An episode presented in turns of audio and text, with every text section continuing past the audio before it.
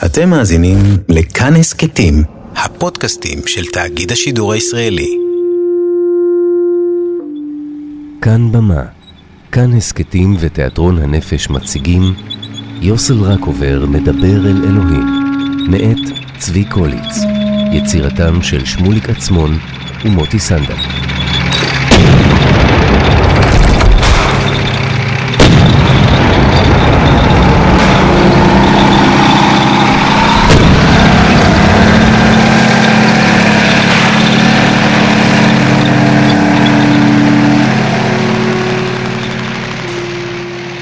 באחת החורבות בגטו ורשה, בין מצבורי אבנים מפויחות ועצמות אדם, נמצאה מוסתרת בתוך בקבוק צוואה שכתב יהודי ושמו יוסל רקובר.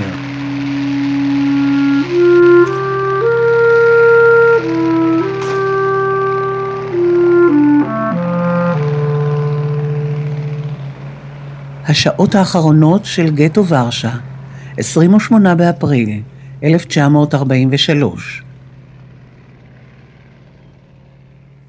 אני יוסל, בנו של דוד רקובר מטרנופול, חסיד גור, נין ונכד לצדיקים, תלמידי חכמים וקדושים ממשפחת רקובר ומייזליש, כותב מילים אלה כאשר בתי גטו ורשה עולים בלהבות והבית שבו אני נמצא עכשיו הוא אחד האחרונים שעוד לא בוער.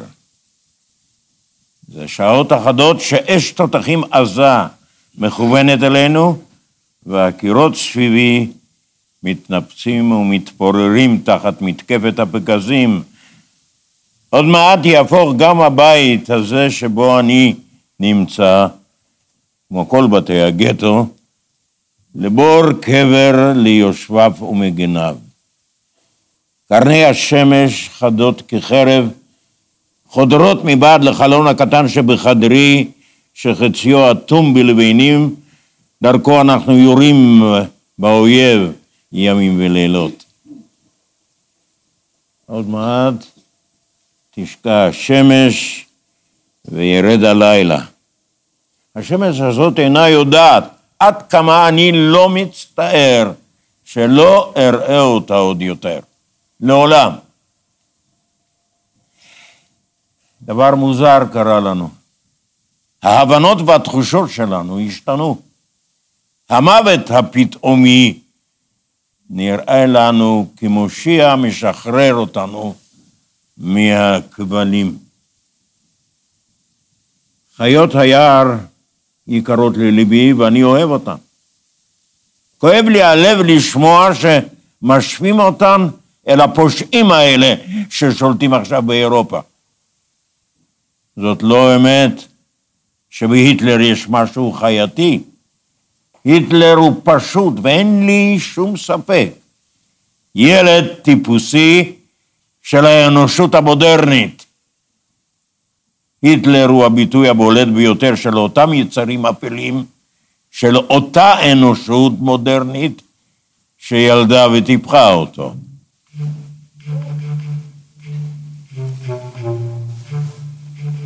ביער בו הסתתרתי, נתקלתי באחד הלילות בכלב. חולה, גובע ברעב, על סף הטירוף. שנינו הרגשנו מיד שותפות גורל, שלא לומר הזדהות. מצבו של הכלב לא היה יותר טוב משלי. הוא ניגש אליי, התחכך בי, טמן את ראשו בחיקי וליקק את כפות ידיי. באותו הלילה בכיתי כמו שלא בכיתי אף פעם בחיי. חיבקתי את הכלב אל ליבי בעוצמה והתייפחתי כילד. לא אכחיש זאת, שקינאתי בו בכלב, אבל מה שהרגשתי אז הרבה יותר היה מאשר קנאה, זו הייתה בושה. התביישתי מפני הכלב על שאני לא כלב, אלא בן אדם. כן, זה המצב הרוחני שאליו הגענו עכשיו. החיים הם אסון, המוות ישחרר. האדם צל חולב, והחיה משאת נפש אידאל. אור היום סכנה גדולה, והלילה הצלה מדומה. מיליוני אנשים בעולם הגדול הרחב אוהבים את אור השמש. אין להם צל של מושג כמה כדרות ואסון יש בה, בשמש הזו. היא הפכה כלי שרת בידי הרוצחים. הם השתמשו בה כפרוז'קטור כדי לגלות את עקבות הנמלטים. היער בו הסתתרתי עם אשתי וששת ילדיי. היה זה הלילה, ורק הלילה שהסתיר אותנו בחיקו. היום הסגיר אותנו לידי רוצחי הנשמות שלנו. אף פעם לא אוכל לשכוח את היום בו שטפה האש הרצחנית של הנאצים את אלפי הפליטים הגוררים רגליהם כל הדרך מגרודנו לוורשה.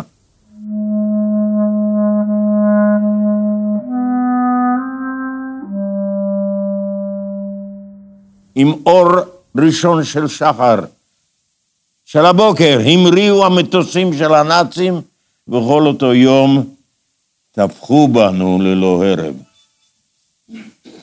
בטבח האווירי הזה מתה אשתי והתינוק, שטרם מלאו לו שבעה חודשים, שהיה חבוק בזרועותיה. שניים מחמשת ילדיי פתאום נעלמו ביום ההוא, בלי להותיר אחריהם עקבות. שמם היה דוד ויהודה, אחד בן ארבע, השני בן שש. עם שקיעת השמש המשיך קומץ הניצולים לנוע לעבר ורשה, אבל אני ויחד עם שלושת ילדיי הנותרים התרוצצנו ביערות ובשדות שמסביב לגיא ההריגה לחפש את הילדים החסרים. דובר! יהודלה!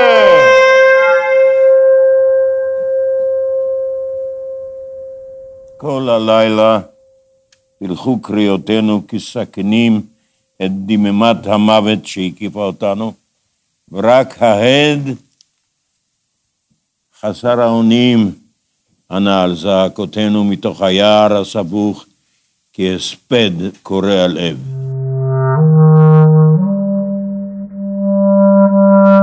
את שני בניי לא ראיתי יותר. רק בחלום הם הופיעו. בת קול לחשה לי, אל תדאג, אל תדאג להם, כי הם כבר נאספו בחמלה בין זרועותיו של ריבונו של עולם. שלושת ילדיי האחרים מתו תוך שנה בגטו.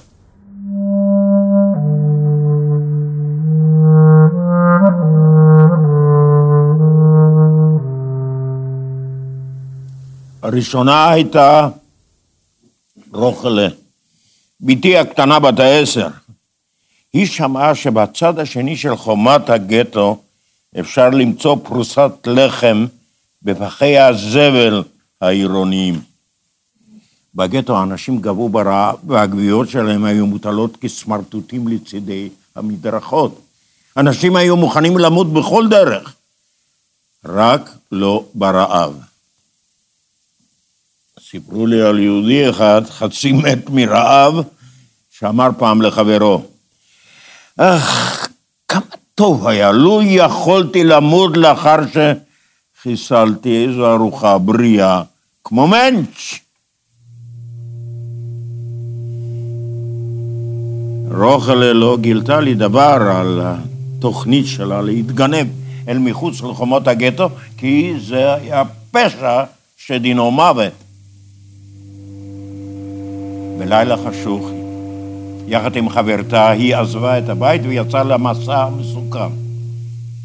עם זריחת השמש, היא וחברתה התגלו מחוץ לחומות הגטו. השומרים הנאצים, ואיתם עשרות מבין עוזריהם הפולניים, פתחו מיד במרדף אחרי שתי ילדות יהודיות שכדי לא למות ברעב העזו לחפש פרוסות לחם בפחי האשפה. אנשים שהיו עדים לציד האדם הזה לא האמינו למראה עיניהם. אפשר היה לחשוב שרודפים כאן אחרי פושעים מסוכנים שנמלטו. עשרות רוצחים רדפו כמו מוכי אמוק אחרי שתי בנות העשר המורעבות שלא הצליחו לשרוד את המרדף. בדי רוחלה, שאספו כוחותיה, התמוטטה מותשת על הקרקע, ואז הנאצים ירו צרור אל תוך ראשה הקטן.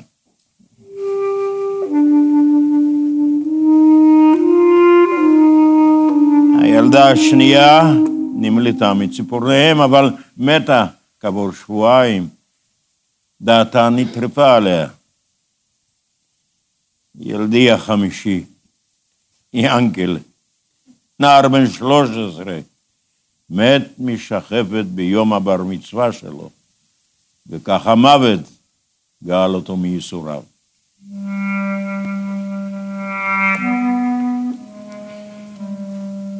בתנו האחרונה, חבלה, בת החמש עשרה, מצאה את מותה בקינדר אקציה, ציד הילדים, שהתחילה עם הזריחה והסתיימה עם השקיעה. ביום האחרון של ראש השנה.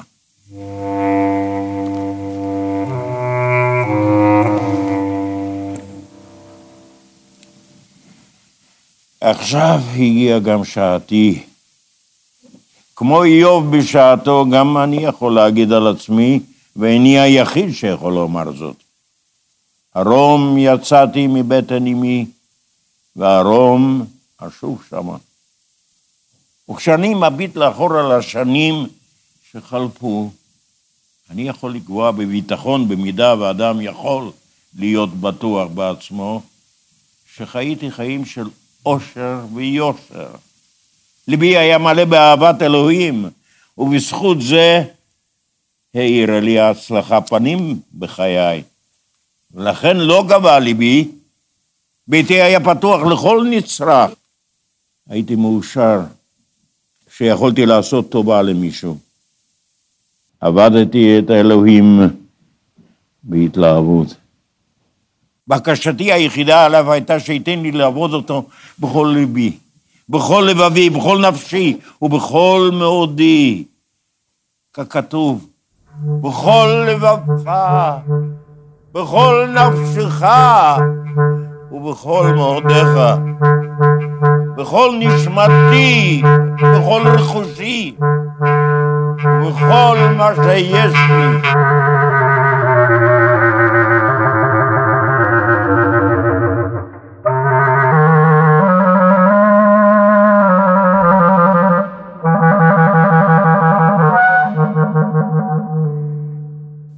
לומר שאחרי כל מה שעבר עליי, יחסי לאלוהים לא השתנה, אבל אני כן יכול לומר בביטחון מוחלט שהאמונה שלי בו לא התערערה כמלוא הנימה. פעם, כשחיי היו טובים, התייחסתי אליו כאל מי שמעניק לי בשפע מחסדו, ולפיכך, כמי שאני תמיד חייב לו. עכשיו אני מתייחס אליו כמי שהוא חייב גם לי, וחייב הרבה. ומאחר והוא בעל חוב שלי, יש לי הזכות המלאה לבוא אליו בדרישות. אבל אני לא טוען כמו איוב, שאלוהים חייב להצביע על חטאי באצבע, כדי שידע מדוע מגיע לי העונש. כי גדולים וטובים ממני סמוכים ובטוחים, ששוב אין זו שאלה של עונש על חטאים, כי בתקופתנו מתרחש עכשיו משהו יחיד ומיוחד. זו תקופה של הסתר פנים.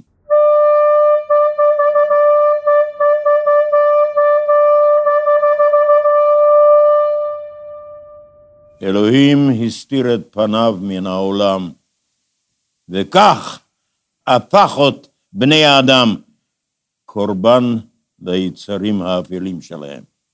אין זה אומר ששומרי הדת מקרב בני עמי צריכים לקבל את הדין ולומר אלוהים ומשפטו צודקים.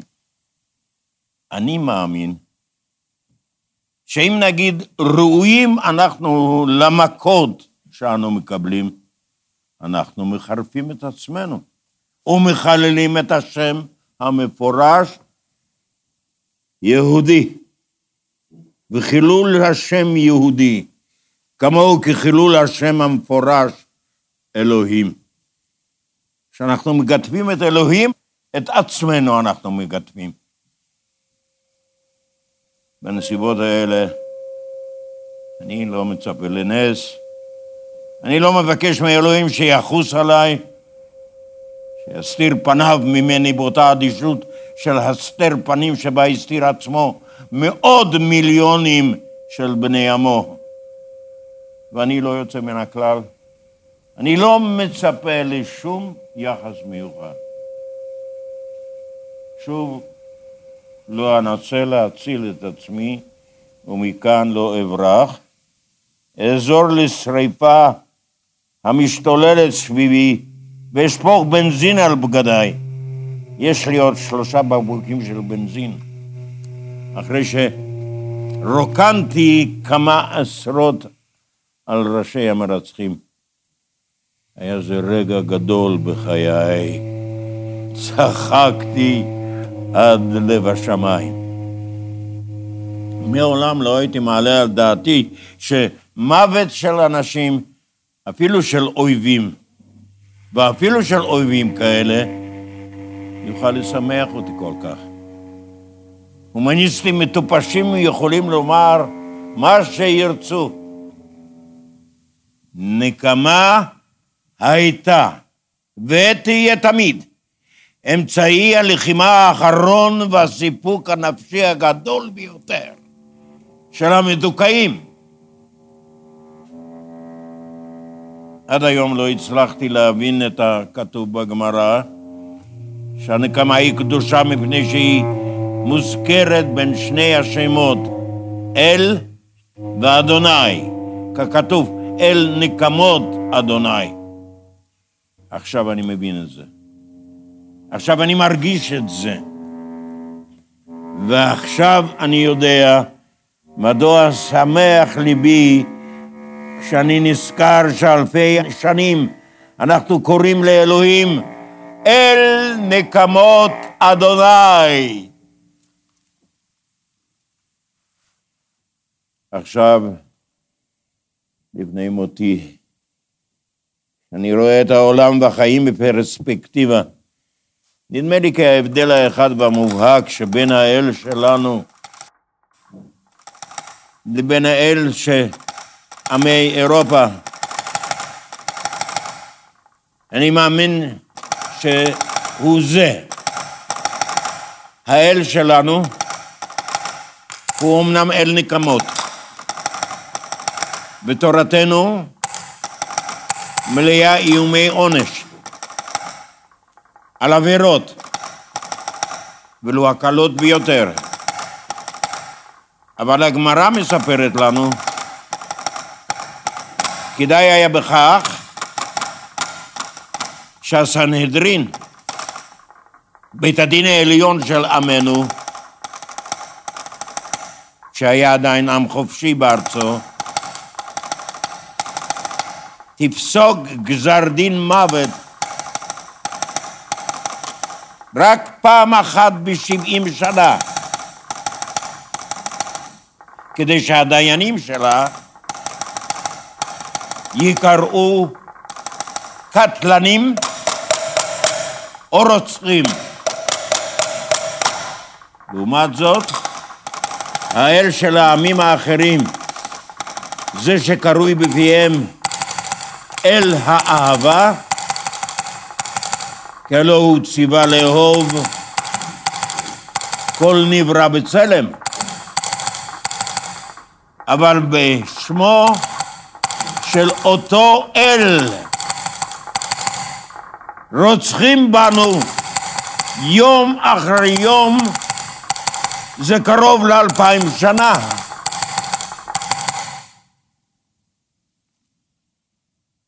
כן. כן, דיברתי על נקמה. רק לעיתים נדירות הזדמן לי לראות נקמה אמיתית, אבל רק כשהתנסיתי בה, בנקמה.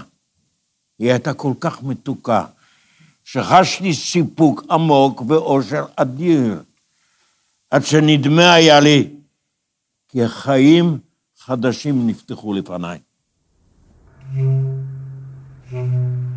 טנק פרץ פתאום לתוך הרחוב שלנו, והוא מיד הותקף בכל בית מבוצר בבקבוקים של בנזין בוער. אלא שהבקבוקים החטיאו את המטרה, והטנק המשיך בדרכו. אני וחבריי חיכינו עד שחלף ממש מתחתנו. ואז, מבעד לאשנב הקטן שלנו, החסום למחצה, תקפנו אותו. הוא עלה מיד באש, ושישה נאצים בוערים נמלטו מתוכו. אך איך שהם בערו. נשרפו כמו היהודים שאותם הם שרפו, אבל לצרוח צרחו יותר מהם. יהודים לא צורכים, הם מתקדמים, הם מקדמים את פני המוות כבושיע. גטו ורשה מת, והיהודים לא מפסיקים להילחם. אנשים יורים, אנשים נלחמים, אנשים נשרפים, אבל לא צורכים. בחדר הזה, בו אני יושב, היינו 12 איש כשהמרד התחיל. תשעה ימים לחמנו באויב, כל 11 חבריי נפלו, מתו בדממה, ביניהם ילד קטן, ללא שם, אולי בן חמש. אלוהים יודע איך הוא יתגלגל לך. זה קרה הבוקר. רובנו כבר לא היינו בין החיים. הילד טיפס על ערימת הגוויות לחטוף מבט אחרון אל העולם שבחוץ. דקות אחדות עמד כך לצידי, ופתאום נפל לאחור. התגלגל על ערימת הגוויות של חבריי המתים המוטלים סביבי. אני מביט בפניהם, הרסד של לגלוק וצחוק רוגע נסוך על פניהם. כאילו ביקשו לומר לי, סבלנות איש טיפש שכמוך. עוד כמה דקות והכל יתבהר לך. אותו לגלוג זועק בעיקר מפניו של הילד הקטן, השוכב כנרדם ליד ידי הימנית, חיוך שפוך על פיו, כאילו צוחק. ואני, שעודני חי ומרגיש וחושב כבשר ודם, לי נדמה שהוא צוחק עליי. צוחק עליי באותו צחוק שקט אבל נוקב האופייני לאנשים שיודעים הרבה. הילד הזה, הוא כבר יודע הכל. יודע למה הוא נולד, יודע למה היה צריך למות כל כך מהר ולמה מת עכשיו. בדיוק עכשיו, שרק חמש שנים מלאו להולדתו. אה, הוא יודע שיחזור לזרועותיהם של הוריו שנרצחו. אבל אני אני עדיין חי. ולפני מותי, אני רוצה לדבר אל אלוהים עוד פעם אחת. כדבר איש חי ופשוט, שנפל בחלקו הכבוד הגדול, אך האומלל, להיות יהודי. אני גאה להיות יהודי. לא בגלל יחס העולם כלפינו, אלא למרות היחס הזה. הייתי מתבייש להשתייך לאחד מן העמים שהולידו וגידלו את הרוצחים שאחראים לאותם פשעים הנעשים עכשיו נגדנו. אני גאה ביהדותי, כי להיות יהודי זו אומנות. קשה להיות יהודי. שוורץ זין היית. זאת לא חוכמה להיות אנגלי או אמריקאי או צרפתי, אולי זה אפילו קל יותר או נוח יותר להיות אחד מהם, אבל לא מכובד יותר. כן, זה כבוד להיות יהודי. אני מאמין שלהיות יהודי פירושו להיות לוחם, שחיין נצחי החותר ללא הרב נגד הזרם המתונב והמרושע של האנושות. היהודי הוא גיבור, קורבן, קדוש מעונה. אתם, האסונים שלנו, טוענים שאנחנו רעים, ואני אני מאמין שאנחנו טובים יותר מכם. וגם אם היינו יותר גרועים מכם, הייתי רוצה לראות איך הייתם אתם נראים אילו הייתם במצבנו. אני מאושר להשתייך לעם האומלל מכל העמים בעולם. העם שתורתו נתנה לעולם את עשרת הדיברות המגלמות את הנהלים והיפים שבחוקים ובתורת המוסר. ועכשיו, שהתורה הזו שלנו נעשתה מקודשת ונצחית דווקא עכשיו, בגלל שהאויבים שלנו משמיצים ומחללים אותה. אני מאמין שלהיות יהודי זה מצב מולד. אדם נולד יהודי כשם שאדם נולד אמן. אין אדם יכול לשחרר עצמו מיהדותו. זו תכונה אלוהית שטבועה בנו, והיא שהפכה אותנו לעם נבחר. אלה שאינם מבינים זאת, לא יבינו לעולם את הייסורים המתפשחים שלנו. אין דבר שלם יותר מלב שבור, אמר פעם רב גדול, ואין גם עם נבחר יותר מעם מוכה תמיד מעמנו. אלמלא האמנתי שאלוהים בחר בנו להיות עם נבחר, הייתי חושב שהצרות שלנו הפכו אותנו לעם נבחר. ואני ממשיך להאמין באלוהי ישראל, אף על פי שהוא עצמו עשה הכל כדי שלא אאמין בו.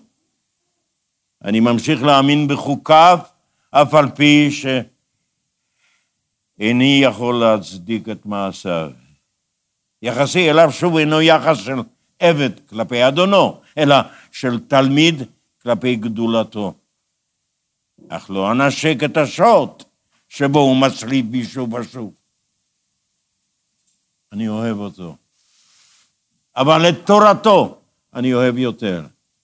וגם אילו התאכזבתי ממנו, את תורתו הייתי מקיים. אמרת אלוהים, אמרת דת. אמרת תורה, אמרת אורח חיים. וככל שאנחנו מתים יותר למען אורח החיים הזה, כך גדלה הנצחיות שלו. ולכן הרשה לאלוהים לפני מותי, כשאני משוחרר מכל שמש של פחד ושרוי במצב של שלווה פנימית גמורה, לבוא איתך חשבון עוד פעם אחת אחרונה בחיי. אתה אומר שחטאנו. אכן, חטאנו. בגלל זה אנחנו נענשים? גם את זה אני יכול להבין. אבל אני רוצה שתגיד לי, אם קיים בעולם חטא אחד המצדיק את העונש המתמשך הזה שנענשנו בו. אולי תגיד לי עכשיו, אין זו שאלה של חטא ועונש, כיוון שאנחנו מסוימים עכשיו במצב של הסתר פנים, שבו הפקרת את בני האדם לעמוד מול היצר שלהם. אם כך רצוני לשאול אותך, והשאלה הזאת שורפת אותי כאש, מה עוד? מה עוד צריך לקרות כדי שתגלה שוב את פיך לעולם? רצוני לשאול אותך באופן גלוי וברור כאן ועכשיו, עד מתי תוליך אותנו בנתיב הייסורים הזה שתהום פעורה לפתחה? אנחנו המעונים, הנכנמים, הנחנקים הקבורים חיים, השרופים על מוקד, הנעלבים והמושפלים, המבוזים, הטבוחים במיליונים. יש לנו הזכות לדעת עד מתי, עד מתי יגיע הקץ לסבלנותך. ועוד דבר אחד אני רוצה לומר לך, אל תמתח יותר מדי את החבל. כי הוא עוד עלול חלילה להיקרע. הניסיון שבו העמדת אותנו קשה כל כך, שאתה צריך, לא, לא צריך, חייב. אתה חייב לסלוח לאלה שהגיעו לקצה גבול הסבל ופנו לך עורף. הפכת את חיינו למאבק כה איום ואינסופי, שהפחדנים בינינו נאלצו לחפש עליהם דרך לחמוק, להימלט לכל אשר תשיג עין. אל תכה אותם בשל כך. אין מכים את הפחדן, מרחמים עליו. אלי רחם עליהם. רחם עליהם, אלי, יותר מאשר עלינו. סלח להם, גם לאלה שחיללו את שמך. אלה שהלכו אחרי אלוהים אחרים, שנעשו אדישים כלפיך. הפלאת כל כך את מכותיך בהם, עד ששוב אין הם מאמינים שאתה אביהם, או שיש להם אבא בכלל. זאת אני אומר לך מפני שאני מאמין בך. מפני שאני מאמין בך יותר מתמיד, מפני שאני יודע עכשיו שאתה אלוהים שלי. אתה לא יכול להיות האל של אלה שכופרים בך, כי אם אינך האלוהים שלי, אלוהים של מי אתה? אלוהי הרוצחים? דווקא מפני שאתה כה גדול ואני כה קטן, אני מפציר בך. לא, לא מפציר. אני מזהיר אותך. למען שמך הגדול. חדל להבליט את גדולתך על ידי התרת דמם של חפים מפשע. אני גם מבקש ממך, אל תכה באשמים. על פי ההיגיון הנורא של ההתרחשויות הבלתי נמנעות, סופם שהם כבר יכו את עצמם במו ידיהם. עם מות עמנו מת מצפון העולם, עולם שלם נרצח עם רצח עם ישראל. העולם יטרוף את עצמו, יטבע בדמו שלו, הרוצחים כבר חרצו את הדין של עצמם ולא ימלטו ממנה. אבל אתה, אתה תפקידך לגזור את הדין על אלה שאינם פוצעים פה לנוכח הרצח, על אלה המגנים את הרצח בפיהם, אך בליבם שמחים עליו.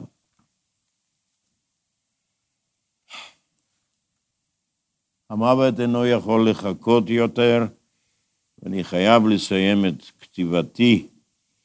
אש הרובים מן הקומות שמעליי נחלשת מרגע לרגע. המגינים האחרונים של הבונקר שלנו נופלים. ואיתם נופלת ורשה. ורשה הגדולה, ורשה היפה, ורשה היהודית שכה אהבתי. השמש כבר שוקעת, ואני מודה לך, אלי, שלא אראה אותו יותר, את השמש הזאת. בעוד שעה לכל היותר כבר אהיה עם משפחתי. איתה ועם מיליוני הנספים מבני עמי, בעולם ההוא, עולם שכולו טוב, עולם שבו אין עוד ספקות, מקום שבו אלוהים הוא כל יכול. אני מת עכשיו, לא מפויס, שלו, אך לא משועבד, מריר אך לא מאוכזב, מאמין אך לא מתחנן. אוהב את אלוהים, אך לא אומר אמן כי עיוור אחריו. הרבי שלי נהג תמיד לספר לי את המעשייה על יהודי אחד שברח מן האינקוויזיציה בספרד עם אשתו ובנו. אותו יהודי נאבק לחצות בספינה קטנה את הים הסוער, והגיע לאי מלא טרשים. לפתע הבריק ברק והיכה למוות את אשתו, ורוח סערה קמה והטילה את בנו הימה. בודד כאבן, ערירי, עירום ויחף, חבול ומבועת, שערו פרוע וידיו מושטות השמיימה. המשיך היהודי בדרכו, ובמי אלה פנה אל אלוהיו. אלוהי ישראל, נמלטתי עד כאן כדי שאוכל לשמור מצוותיך ולהלל את שמך הגדול. ואתה? אתה עושה הכל כדי שלא אאמין בך. אם עולה בדעתך שתצליח עוד פעם אחת להעמיד אותי בניסיון ולהסיט אותי מדרך הישר, אני מודיע לך, אלוהים. אלוהים שלי ואלוהי אבותיי, זה לא יעזור לך. אתה יכול להכות בי, אתה יכול ליטול ממני את היקר והטוב שיש לי בעולם. אתה יכול לייסר אותי עד מוות. אבל תמיד אאמין בך. אני תמיד אוהב אותך. תמיד. על אפך וחמתך. דווקא. תמיד. כך אמר אותו יהודי. ואני, יוסל רק עובר, אלה הן המילים האחרונות שלי אליך.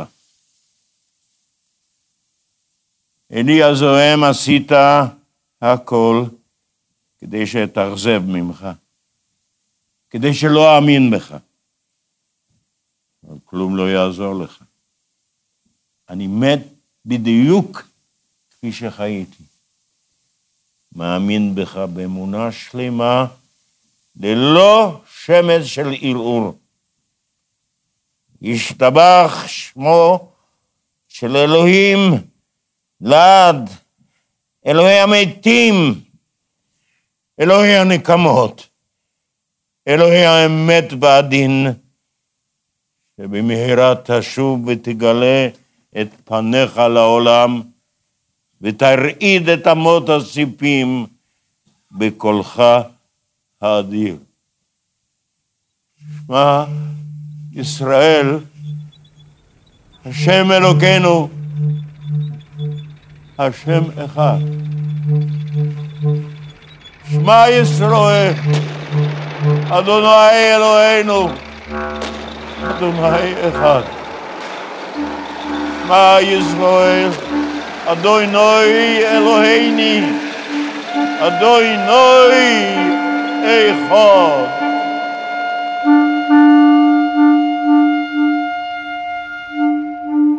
בידך אפקיד רוחי.